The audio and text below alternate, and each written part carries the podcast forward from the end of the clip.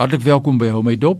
Ons is besig met ons reeks programme. Ons is nou in program nommer 5 van 'n reeks programme oor die bewustheid om bewustheid te skep rondom gestremdheid en ons het gesê hierdie program gaan vir ons 'n bietjie deur oopmaak na terminologie, na die identiteit van persone met gestremthede en hoe ingeskakel kan word binne in die breë gemeenskap. Maar om gestremdheid te verstaan, moet ons eers verlies verstaan.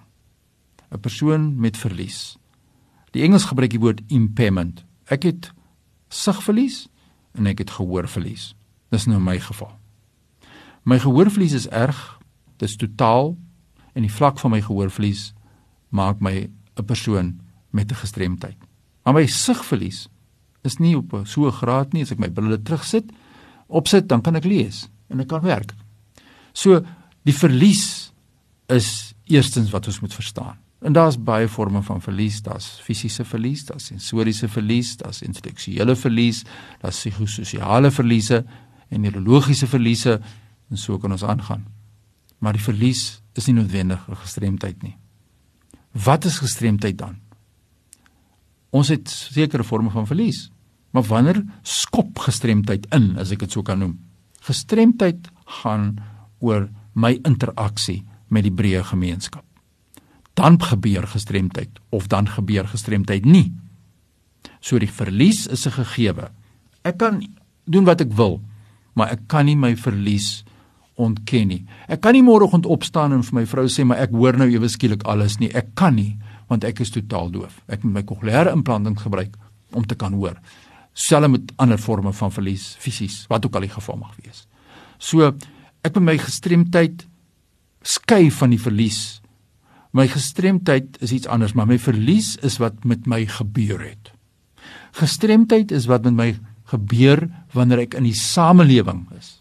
Maar is wat die gemeenskap aan my doen of nie doen nie. Kom ons neem 'n voorbeeld. 'n Persoon het 'n fisiese verlies. Hy was in 'n motorongeluk en hy het sy rug gebreek en hy's 'n parapleeg. Hy het die verlies, hy het die fisiese verlies, die fisiese impairment. Hy het daardie limitation, daardie limitasies, daardie beperkings dat hy nie kan loop nie. Maar wanneer kom gestremdheid in? As hy stadsaal toe wil gaan of biblioteek toe wil gaan. En hy kom by die biblioteek en daar's trappe en daar's nie 'n oprit nie. Dis wanneer gestremdheid gebeur. Die wetgewing in die beleid sê disability is imposed by society on a person with an impairment want nou kan hy nie ingaan in die biblioteek nie omdat die biblioteek nie toeganklik is nie so eenvoudig soos dit dit is wat gestremdheid is 'n gestremdheid is die diskriminasie of 'n weerhouding van die regte van die persoon om toegang te hê tot dienste of toegang tot fasiliteite en dan deel te kan neem op 'n gelyke basis. So as ek nou my voorbeeld kan gebruik, is ek nou met my kokleaire implantings, my gehoor is baie erg Ek sit my kokleaire implantings op en nou gaan ek by die werkplek en ons gaan op 'n kursus. Ons sit in 'n klaskamer. En ons luister wat die lektor verduidelik en, en uiteensit. Maar buite in die klaskamer is daar 'n verskriklike groot lawaai want daar's 'n jackhammer wat besig is om te werk. Dan kan ek glad nie hoor nie want daai lawaai oordonder my kokleaire implanting se vermoë. Dan word ek deur die omgewing weerhou om te kan luister, om te kan meeding met my kollegas in daardie klaskamer.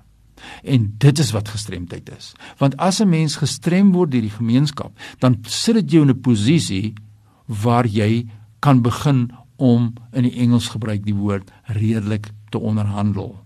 Reasonable accommodation dan kan ek na my werkgewer toe stap en hom sê luister ek wil graag hierdie kursus bywoon maar asseblief ons moet hierdie klaskamer skuif want ek kan nie hoor wat die lektor sê nie want daar sal baie buite kan nou versoek ek daardie versoek en is dit redelik? Ek dink dis redelik. Ons skuif die klaskamer sê die werkgewer en dan gaan jy lekker kan meeding.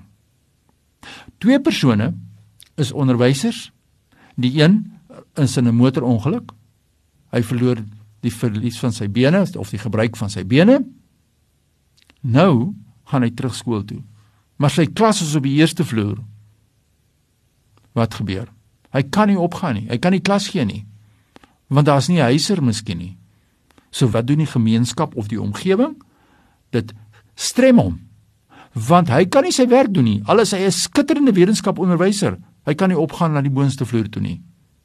En dit is wanneer gestremdheid ter sprake kom. Hy word gestrem, iets imposed by society on that person. En as dit jy dan as gestremde persoon geïdentifiseer of geklassifiseer is, dan al wat dit sê is, dit gee vir jou die reg om binne wetgewing te kan onderhandel. Dan kan hy na die skool toe gaan vir skool of sê luister, ek is 'n skitterende wetenskaponderwyser.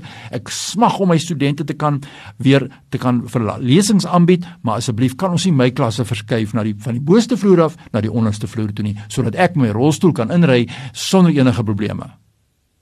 En dit is wat ons moet verstaan. Wie mense met gestremthede is.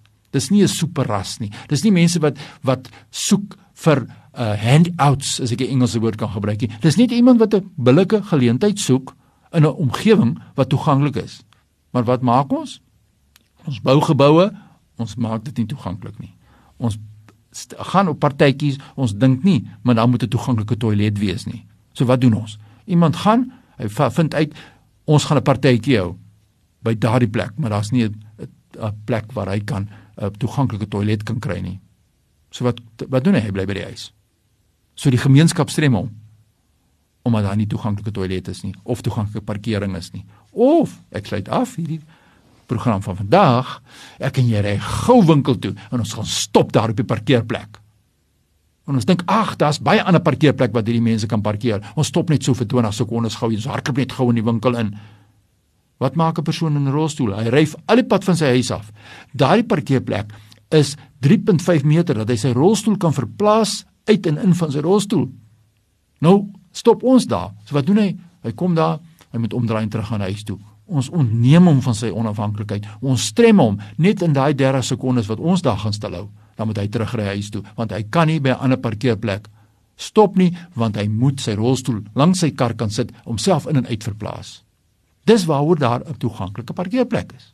So as ons daai goedjies verstaan en ons verstaan dat die gestremdheid kom van die gemeenskap af, vriende, dan het ons hoop.